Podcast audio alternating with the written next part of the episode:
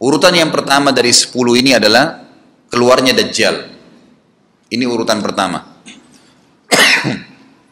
Dajjal jemaah sekalian adalah diambil dari kata-kata Dajjal yang berarti kekacauan. Dajjal ini akan keluar nanti dari negeri Persia. Sebuah kota dalam hadis sahih dikatakan dari wilayah namanya Yahudiyah. Allahu alam apakah ya dia dari turunan Yahudi atau bukan tapi yang jelas Dajjal nama orang dipastikan disebutkan nama-nama namanya dan cirinya. Dan dia akan diikuti dari wilayah Yahudi tadi di wilayah Khurasan. Kalau sekarang wilayah Iran, negeri Iran sekarang. Diikuti dengan 70 ribu dari orang-orang Yahudi Khurasan. Dia akan keluar membuat kerusakan selama 40 hari. Kata Nabi SAW 40 hari itu sehari seperti setahun, sehari lagi yang kedua seperti sebulan, hari yang ketiga seperti sepekan dan sisa harinya seperti hari kalian. Ulama hadis mengatakan yang dimaksud adalah sehari pertama seperti setahun, memang setahun maksudnya.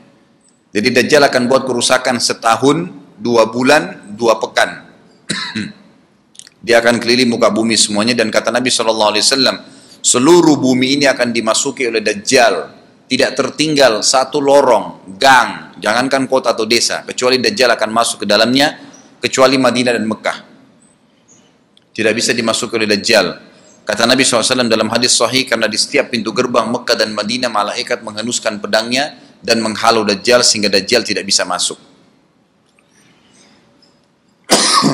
Ciri-ciri Dajjal disebutkan dalam banyak hadis yang sahih adalah mata kanannya yang paling pertama rusak seperti anggur kering. Kata Nabi SAW dalam hadis sahih, ketahuilah Dajjal buta mata kanannya dan Tuhan kalian tidak buta. Karena dia akan mengaku sebagai Tuhan. Mungkin Bapak Ibu tanya, bagaimana bisa orang mau mengikuti dia? Karena dia diberikan kelebihan sama Allah SWT. Dalam hadis sahih juga disebutkan kalau dia masuk ke dalam sebuah tempat, lokasi, wilayah, dan dia mengaku sebagai Tuhan, orang-orang ikutin, maka wilayahnya jadi subur. Peternakannya jadi banyak, hujan turun dari langit, tanaman-tanaman mereka jadi subur. Memang fitnah. Allah turunkan tanda-tanda hari kiamat. Kalau wilayah itu tidak beriman kepada dia sebagai Tuhan, maka jadi kering, tandus. Cobaan dari Allah Subhanahu wa taala. Makanya kata Nabi SAW disebutkan cirinya Dajjal mata kanannya rusak dan seperti anggur yang rusak. Kemudian dia orangnya memiliki kulit yang kehitam-hitaman serta memiliki dahi yang lebar. Setiap orang beriman bisa membaca di dahinya tertulis tiga huruf kafara. Semua orang yang ngerti tulisan Arab tidak ngerti tulisan Arab akan bisa tahu dan baca itu. di dahinya tertulis naudzubillah kafara, kufur. Semua orang muslim, orang beriman bisa baca itu rambutnya keriting dan orangnya tinggi besar. Dia akan mengaku sebagai Tuhan dan Dajjal akan diikuti kata Nabi SAW dengan pohon eh, dengan gunung bergunung-gunung makanan. Allah alam maksudnya bergunung-gunung ini seperti apa? Tapi Dajjal kemungkinan besar memiliki banyak sekali persiapan yang dia akan berikan kepada wilayah-wilayah yang beriman kepadanya. Kata Nabi SAW, kalau kalian dengar Dajjal keluar di satu lokasi, maka menghindarlah. Walaupun kalian harus lari ke gunung. Walaupun kalian harus lari ke gunung. Tapi kalau seseorang di antara kalian bertemu dengannya, maka kokohkanlah. Artinya, kuatkanlah iman kalian, walaupun kalian harus dibunuh. Dajjal ini memiliki di tangan kanannya api, kelihatan besar. Allahu alam di telapak tangan atau di sebelah kanan tubuhnya. Kemudian di sebelah kirinya itu memiliki air yang sejuk seperti sebuah lautan yang luas.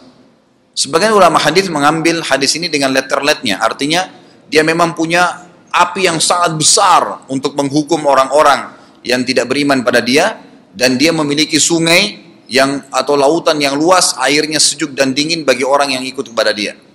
Kata Nabi SAW, kalau kalian ditangkap oleh Dajjal, hadis begini, kalau kalian dengarkan Dajjal, carilah tempat yang jauh dan jangan seseorang di antara kalian berkata, imanku kuat, aku akan menghadapinya. Karena bisa saja dia mengatakan itu ternyata pada saat ketemu dia jadi pengikutnya. Tapi kalau kalian bertemu, kokohkanlah pendirian kalian dan yakinlah Dajjal ya di tangan kanannya ada api dan di tangan kirinya ada lautan. Kalau kalian tertangkap, maka pilihlah yang di tangan kanannya yang api dan ucapkanlah bismillah pada saat kalian pun harus dilemparkan ke api itu, ketahuilah api tersebut adalah lautan yang dingin. Terbalik, air yang dingin di tangan kirinya sebenarnya itu adalah api neraka yang panas. Maka kita diajar oleh Nabi Sallallahu Alaihi. Dajjal terus aja banyak pengikutnya akan diekspos seperti kita tahu sekarang luar biasa bagaimana media dalam sekejap saja sudah bisa tersebar di sana sini beritanya Kata sebagian ulama yang menanggapi fasilitas media kita di zaman sekarang mengatakan kemungkinan besar memang Dajjal ini akan terekspos sangat cepat karena adanya media kayak kita sekarang. Cepatnya dia keliling muka bumi ini setahun, dua bulan, dua pekan sudah semua bumi ini dilingkari, didatangin karena memang sekarang fasilitas pesawat ada, transportasi mudah. Dan memang ada salah satu hadis yang dihasankan oleh para ulama, salah satu tanda-tanda hari kiamat adalah adanya besi yang berterbangan yang menjadi tunggangan manusia. Sekarang ada pesawat, ada kereta api, ada mobil. Nah, itu ada hadisnya. Maksud tanda-tanda hari kiamat. Dajjal nanti akan masuk ke Mekah dan Madinah, akan tiba di Mekah dan Madinah, tapi yang dibahas dalam hadis adalah di kota Madinah. Mohon maaf. Lalu kemudian dia mau masuk tapi tidak bisa dihalang, maka dia naik ke atas sebuah gunung yang tinggi bersama pengikutnya lalu dia berkata kepada para pengikutnya, apakah kalian lihat istana yang putih itu? Maksudnya melihat ke Masjid Nabawi. Lalu berkata para pengikutnya, iya tentu saja. Lalu berkatalah, ya, Dajjal itu adalah istananya Muhammad. Tidak bisa dia masuk ke dalam. Dia hanya batas wilayah haram di luar kota Madinah. Maka kata Nabi SAW, Dajjal pun menepukkan telapak kakinya ke bumi di luar kota Madinah, maka terjadilah gempa di kota Madinah, dan keluar dengan gempaan tersebut semua orang yang munafik karena orang kafir nggak ada di Madinah. Semua orang yang di dalam hatinya ada sifat kemunafikan keluar dan jadi pengikutnya Dajjal karena goncangan itu. Dan tertinggallah di kota Madinah orang yang hatinya bersih imannya kepada Allah subhanahu wa ta'ala. Lalu kata Nabi SAW akan keluar dari kota Madinah nanti saat satu orang anak muda dengan hikmah Allah, dia keluar dan orang ini bersih hatinya dengan keimanan. Maka Dajjal pun menangkapnya.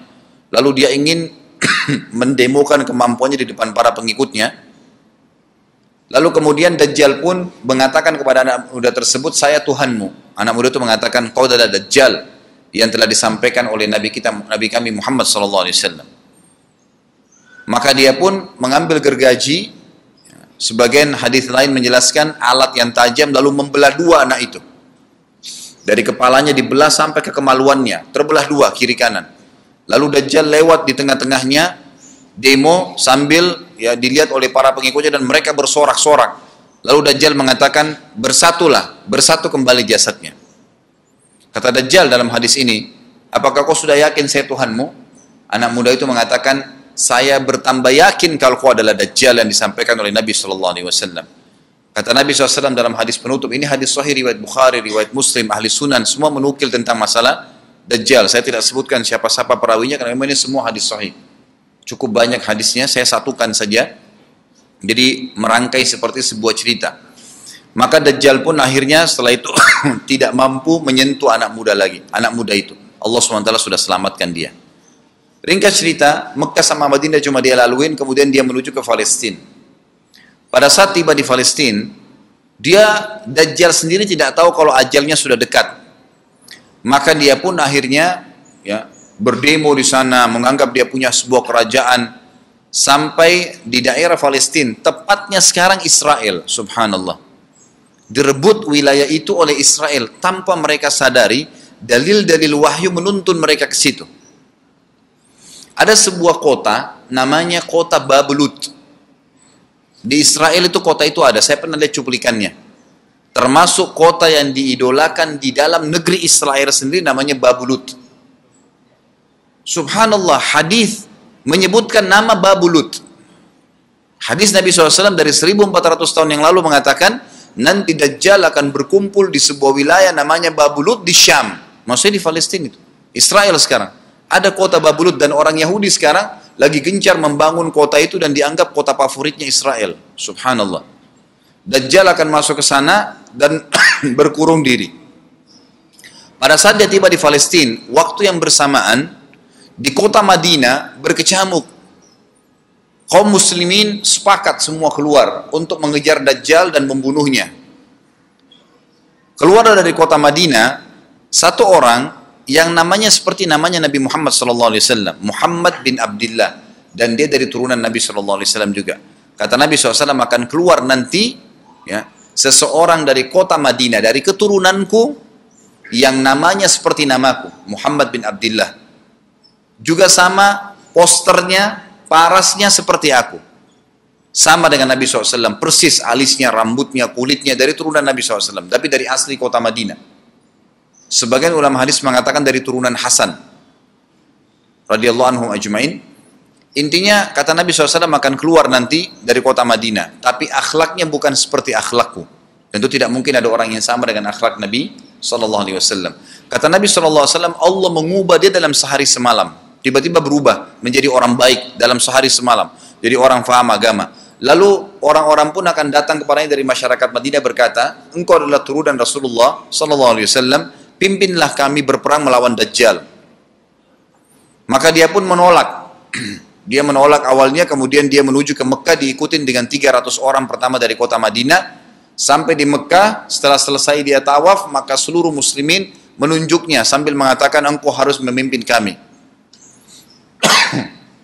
Dan orang ini punya julukan Mahdi. Dikenal dengan Imam Mahdi. Inilah tanda-tanda kiamat yang kedua. Setelah Dajjal keluar, buat kerusakan di muka bumi tadi selama 40 hari itu atau setahun lebih. Kemudian keluarlah tanda-tanda kiamat kedua pada saat dia sudah tiba di kota Babulut di, di Israel. Keluarlah si Mahdi ini. Pada saat dia tiba di Mekah, dibaiatlah oleh banyak kaum muslimin tidak disebutkan jumlah pasukannya, maka terbentuklah pasukan jihad yang mengejar Dajjal menuju ke Palestina. Lalu keluar tanda-tanda kiamat tiga, langsung berentetan semua. Makanya ulama mengatakan tanda-tanda kiamat kecil itu antara satu sama yang lain ada jarak-jaraknya. Tapi kalau tanda-tanda kiamat besar sekali datang maka datang semua. Gitu kan. Walaupun memang ada masa, gitu kan, ada masanya. Tanda-tanda kiamat besar yang ketiga adalah pada saat pasukan Imam Mahdi dengan pasukan jihad itu tiba di Darul Bayda namanya. Menara kota putih yang ada menara putihnya dan itu sekarang di negeri Syam, tepatnya di Damaskus, ibu kota Syria. Sebagian ulama mengatakan Masjid Jami' Syam karena memang menaranya berwarna putih. Hadis menyebutkan di menara itulah, di masjid itulah Imam Mahdi mampir sholat asar bersama pasukannya dan sudah dekat. Syam negeri Syam masuk di dalamnya wilayah itu adalah Israel ya sekarang Palestina kemudian Syria dan ini masjid ada di Syria di Damaskus pada saat itulah datang tanda-tanda kiamat besar yang ketiga yaitu turunnya Nabi Isa alaihissalam kata Nabi SAW dalam hadis Bukhari hadis Muslim hadis Sahih semuanya dikatakan Isa alaihissalam akan turun sambil memegang dua kedua sayapnya malaikat. Dan dari rambutnya yang basah meneteskan air. Pegang sayap, malaikat turun. Dan semua muslimin waktu itu menyaksikan. Ya masih hidup zaman itu menyaksikan. Dan ini wahyu, penyampaian, pasti terjadi. Maka dia pun turun lalu kemudian dia masuk dan orang-orang pada saat itu mengenalnya kalau dia adalah Isa dan mereka sudah tahu ini masanya turunnya keluarnya Dajjal. Ini Mahdi sudah ada. Mereka tahu akan turun Isa. Sudah ada informasi seperti saya sampaikan ke Bapak Ibu sekarang, itu multi muslimin di zaman itu sudah tahu semua. Maka Isa pun alaihissalam waktu itu dipersilakan oleh Mahdi untuk jadi imam, maka dia pun mengatakan tidak. Imam dari kalangan kalian. Dan kata Nabi SAW, ini kemuliaan bagi umat ini karena Nabi sholat di belakang umat ini. Semestinya kalau ada Nabi, pasti Nabi jadi imam. Tidak mungkin digantikan oleh manusia biasa. Tapi waktu itu Imam Mahdi menjadi imam dan Nabi Isa sholat di belakangnya. Perlu anda tahu juga hadis Nabi SAW yang sahih yang berbunyi, kalau Musa dan Isa hidup di zaman aku sudah diutus, niscaya keduanya akan jadi pengikutku. Jadi memang kena kebenaran agama ini dibawa oleh Nabi Shallallahu Alaihi Wasallam. Baik, sholatlah mereka, kemudian mereka menuju ke Palestina. Tiga tanda-tanda kiamat sekaligus terjadi. Pada saat menuju ke Palestina, tiba di pintu gerbang Babulut. Dan di wilayah Babulut ini, kata Nabi Shallallahu Alaihi Wasallam, nanti Isa akan masuk dan membunuh Dajjal. Dan setelah membunuh Dajjal, maka seluruh pengikut Dajjal dari kaum Yahudi akan bersebaran sembunyi di bawah batu dan pohon, di atas batu dan di bawah pohon. Semuanya batu dan pohon itu akan berbicara kepada setiap pasukan mujahidin, berkata, wahai muslim ini Yahudi di atas saya atau di bawah saya, batu bilang ini Yahudi yang sembunyi, yang pohon mengatakan, wahai muslim ini Yahudi bunuhlah dia. Maka dibunuhlah orang-orang Yahudi tersebut yang menjadi pengikut Dajjal oleh kaum muslimin kecuali satu pohon namanya pohon garkat. Pohon garkat ini pohon yang daunnya kadang-kadang agak kering dan ada duri-duri ya, batangnya ada durinya. Subhanallah pohon ini dikenal dengan pohon Yahudi karena satu-satunya pohon yang tidak akan bicara nanti adalah pohon ini. Dan apakah Bapak Ibu sudah tahu sekarang pemerintah Israel besar-besaran menanam pohon itu? Subhanallah. Kalau Anda lihat di berita tentang apa yang sekarang ditanam di negeri Israel orang Yahudi, maka yang paling banyak adalah pohon garkat. Bahkan cuplikan yang saya lihat tentang babulut itu pohon garkatnya sudah sangat besar-besar. Diameter sudah 3 meter, 4 meter ke atas. Mereka sangat tahu tentang hadis ini. Tapi memang orang Yahudi sebagaimana Ibnu Abbas katakan radhiyallahu anhu beliau mengatakan sabda eh, firman Allah SWT tafsirnya surah eh, Al-Fatihah ghairil maghdubi alaihim bukan orang-orang yang kau murkahi ya Allah. Ihdinas siratal mustaqim. Tunjukkanlah kami jalan yang lurus. Siratal ladzina amta alaihim. Jalan orang-orang yang telah kau berikan petunjuk. Maksudnya orang-orang yang beriman. Ghairil maghdubi alaihim. Bukan orang yang kau murkahi. Kata sahabat Nabi Ibnu Abbas radhiyallahu anhu adalah orang-orang Yahudi. Allah murka sama mereka karena mereka tahu kebenaran tapi mereka tidak mau ikutin. Itu cirinya orang Yahudi. Bahkan Allah mengatakan tentang mereka terhadap Nabi Shallallahu Alaihi Wasallam ya'rifuna kama ya'rifuna abna'ahum. Mereka mengenal Muhammad Shallallahu Alaihi Wasallam sebagaimana mereka mengenal anak-anak mereka sendiri. Jadi orang Yahudi tahu. Waladhalin dan bukan orang-orang yang sesat. Ini adalah kata Ibnu Abbas orang-orang Nasrani. Mau nyebarin agama tapi mereka keliru. Agamanya yang Nabi Isa itu tidak wajib disebarkan di seluruh dunia. Tapi disebarin untuk Bani Israel. Karena Nabi Isa diutus untuk Bani Israel. mereka mau berdakwah tapi salah. Ringkas cerita adalah Nabi Isa alaihissalam akhirnya tiba dengan pasukan mujahidin di depan pintu gerbang Babulut. Kemudian orang-orang Yahudi tidak kenal, tidak tahu Nabi Isa, tidak tahu tentang itu Mahdi. Mereka belum tahu ini. Mereka berbangga-bangga saja. Lalu mereka berkata kepada Dajjal, ada pasukan, segelintir pasukan yang mau menyerang kita. Dajjal mengatakan, bukakan pintu gerbang. Mereka tidak akan mampu melawan kita karena pasukannya mereka banyak memang. Maka Dajjal dengan sombongnya menunggu di depan pintu gerbang. Pada saat dibuka, Dajjal kaget melihat ada Isa alaihissalam. Dan pada saat itu kata Nabi SAW, Dajjal faham kalau sudah tiba ajalnya. Begitu melihat Isa alaihissalam, dia lari. Dan badannya sambil meleleh di depan para pengikutnya. Lalu Isa alaihissalam mengejarnya mengatakan, Wahai musuh Allah, saatnya kau akan menemui ajalmu. Lalu ditusuklah dengan tombak emas di antara dua matanya, maksudnya di dahinya, ditusuk oleh Isa AS dan matilah Dajjal. Pada saat Dajjal mati, pengikutnya pada ketakutan semua. Mereka anggap Dajjal Tuhan, mereka anggap Dajjal orang yang perkasa lah, orang yang kebal lah, beragam macam kelebihan. Mereka kaget pada saat mati, maka bertebaranlah mereka dan akhirnya mereka sembunyi di bawah pohon dan batu, di atas batu kemudian di, seperti saya katakan tadi, hadis menjelaskan, batu dan pohon akan memberikan penjelasan, hai muslim ini Yahudi bunuhlah. Maka dibunuhlah pada saat itu mereka. Lalu Nabi Isa AS memimpin di muka bumi dan kata Nabi SAW, pada saat itu Islam, agama Islam yang dibawa oleh Nabi SAW akan masuk ke semua rumah. Semua rumah di muka bumi, gak tersisa. Satu dunia ini semuanya Islam. Hadis sahih, kata Nabi SAW, Islam akan masuk ke setiap rumah. Biizzil aziz au bidhilli dalil dengan kemuliaan atau terhina. Yang tidak mau terima dibunuh. Enggak ada lagi penolakan terhadap Islam. Itu hadis sahih. Maka Nabi Isa alaihissalam memimpin pada saat itu disebutkan dalam hadis 40 tahun dengan ketenangan. menerapkan hukum Islam.